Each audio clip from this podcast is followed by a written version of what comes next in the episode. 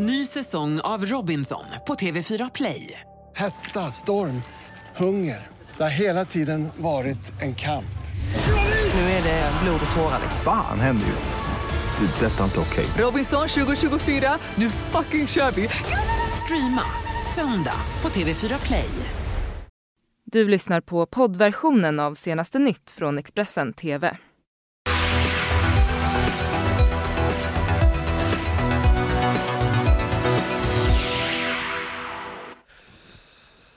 Välkommen till senaste nytt. Det här är morgonens rubriker. Justin Trudeau mot seger i valet i Kanada men ser ut att förlora sin egen majoritet. Idag börjar Akademiska sjukhuset i Uppsala med planerade operationer igen efter tre veckors stopp på grund av materialbrist. Norra Syriens öde sägs avgöras idag på toppmöte mellan Erdogan och Putin. Ja, Justin Trudeaus liberala parti går alltså mot en mm, valseger i Kanada. Vid femtiden hade hans parti säkrat 157 av de 338 mandaten i parlamentet enligt CBS, eh, CBCs eh, prognos. Den konservativa utmanaren som leds av Andrew Scheer har säkrat 119 platser hittills. Däremot ser Trudeaus parti ut att förlora sin egen majoritet. Han kommer troligast söka stöd hos landets Vänsterpartiet för att få igenom sin politik. Om resultatet står sig ser det därmed ut att bli Kanadas fjärde minoritetsregering de senaste 15 åren. Och vi uppdaterar valresultatet löpande här i Expressen TV och på Expressen.se. Idag börjar Akademiska sjukhuset i Uppsala med eh, operationer som vanligt igen efter tre veckors stopp på grund av materielbrist. Apotekstjänst, företaget bakom kaoset, plockar samtidigt in en tidigare chef från sin största konkurrent i ledningen och sparkar sin VD. Företaget har fått stor kritik eftersom de inte klarat leveranserna till flera regioner i Mellansverige vilket lett till att hundratals operationer ställts in. Efter kaoset med förseningar av sjukvårdsmateriel stuvar leverantören Apotekstjänst om i ledningen. VD Thomas Hilmo lämnar posten. Det var den 1 oktober som Apotekstjänst tog över som leverantör av sjukvårdsartiklar till de berörda regionerna efter att ha utlovat samarbete men betydligt billigare. Nästan direkt uppstod problem och förseningar och utöver Uppsala och Akademiska sjukhuset drabbades även regionerna Örebro, Västmanland Dalarna och Södermanland. Ja, tyvärr så kom det in många fler beställningar än vad som trotts, än vad vi, vad vi kunde förutse. Akademiska sjukhuset tvingades att gå upp i stabsläge på grund av brist på allt från sterila handskar till provtagningsrör. Och efter ytterligare en vecka kom beskedet att alla planerade operationer ställts in. Vilket gällde fram till den 21 oktober. Man kan ju undra om Sverige, liksom om det är, Sverige ligger i krigstillstånd eller? Det, det verkar, ja men sånt här ska inte kunna hända i fredstid. Sara Persson skulle justera ett par skruvar i huvudet som skavt sedan en hjärntumörsoperation. Jag var, blev inskriven och klar. Eh, när jag skulle träffa kirurgen och narkosen, det sista, så kom de och sa att det var inställt på grund av materialbrist. Trots Apotekstjänst misslyckande kommer Region Uppsala inte att häva avtalet med företaget. Istället tar man hjälp av andra leverantörer för att stärka verksamheten. Beslutet fattades på ett extrainsatt möte mellan företaget och Varuförsörjningsnämnden. Vi kommer att avlasta Apotekstjänst genom att ta en viss del av deras eh, sortiment och lägga på någon annan. För vi har pratat med dem också och de tycker det vore bra om de kunde bli avlastade. Och I kväll så avslutas vapenvilan i nordöstra Syrien. Den ska dock redan ha brutits vid flera tillfällen under dess fem dagar. Samtidigt har de turkiska styrkorna nu tagit kontroll över den, de strategiskt viktiga gränsstäderna Ras och Tal Expressens Kassam Hamadeh är på plats i gränsområdet mellan Turkiet och Syrien. Det råder mycket spänt läge längs den syrisk-turkiska gränsen.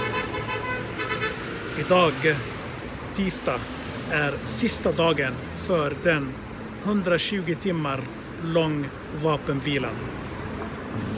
Idag, om inte den kurdledda Syriens demokratiska styrkor lämnar nordöstra Syrien, gränsområden, så kommer Turkiet sent på kvällen att återuppta sin militära operation Fredens källa som Turkiet kallar Samtidigt så kommer det rapporter från nordöstra Syrien om att en rysk militärdelegation igår kväll, måndag kväll, åkte till Kamishli, den kurdkontrollerade staden Kamishli i nordöstra Syrien och träffade ledare för kurdledda Syriens demokratiska styrkor och diskuterade bland annat hur den reguljära armén, syriska armén, Damaskus alltså, ska kontrollera hela gränsen från Irak, gränsen med Irak till gränsen med Turkiet, hela den här gränssträckan. Så medan Turkiet skickar in mer trupper, Damaskus förstärker sina positioner i kurdkontrollerade områden, SDF förlorar mer mark, den humanitära katastrofen blir allt värre. Hundratusentals människor har flytt från fyra provinser i nordöstra Syrien och nu är de inträngda i två städer, i Al-Kamishli och i Al-Hasaka. Jag har varit i kontakt med folk i Al-Hasaka och de säger att folk sover på gator, i skolor, hos släktingar och vänner. Och de har det mycket, mycket svårt. Idag så ska Turkiets president Erdogan och Rysslands president Putin att träffas. Många menar att det är då den verkliga uppgörelsen om nordöstra Syriens framtid kommer att ske. CNNs eh, Fred Pledgen är på plats i Sochi där mötet kommer hållas senare idag. You know what the stakes for this meeting between the Russian leader Vladimir Putin and Turkey's president Recep Tayyip Erdogan they really couldn't be higher. And of course, President Trump essentially maneuvered the United States out of the diplomatic equation as far as northeast Syria is concerned by pulling most U.S. forces out of there, and of course also by abandoning the Kurds who fought on the side of the U.S. against ISIS. So essentially, it's going to be Erdogan and Vladimir Putin who are going to decide the fate of northeastern Syria and probably also of the Kurds who reside in that area. Now, of course, we know that the Russians have already made a deal with the Syrian Kurds, and essentially what happened then is that Syrian government forces and Russian troops moved into some of those border areas up there in the northeast of Syria.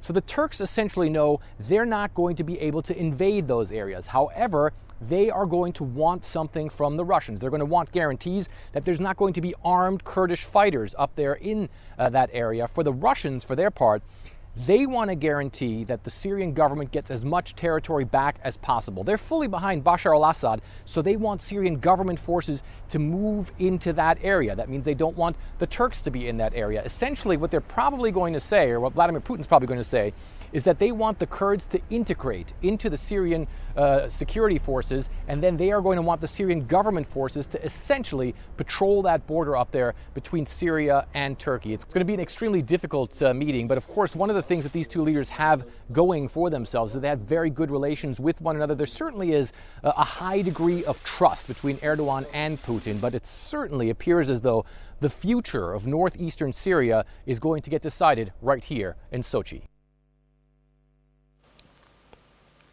Boris Johnsons väg mot Brexit stöter på patrull gång på gång.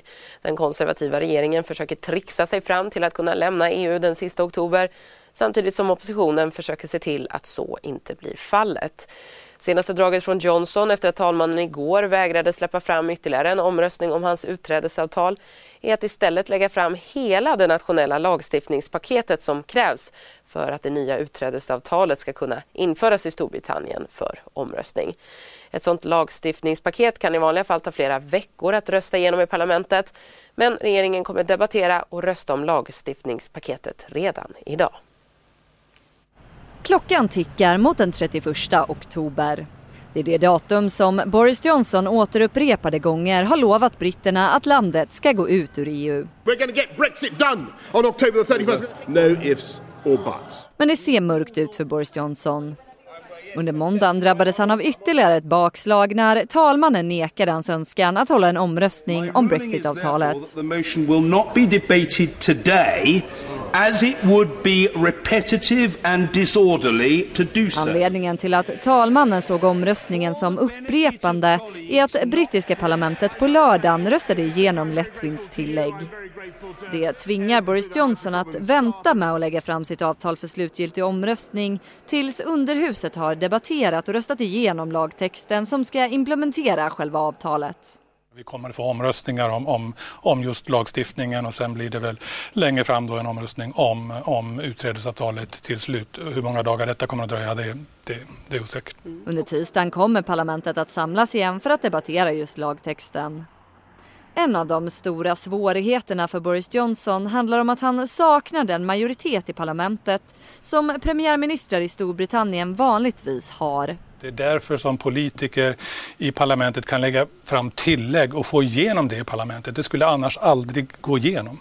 Så att det är, ett väldigt, det är från början ett extremt svårt läge för vem som än är Storbritanniens premiärminister. Nu är det Boris Johnson, han har talets gåva, han säger att han kan få igenom detta. Det är inte uteslutet att han till slut får igenom det, men ja, det, blir, det blir väldigt, väldigt tufft.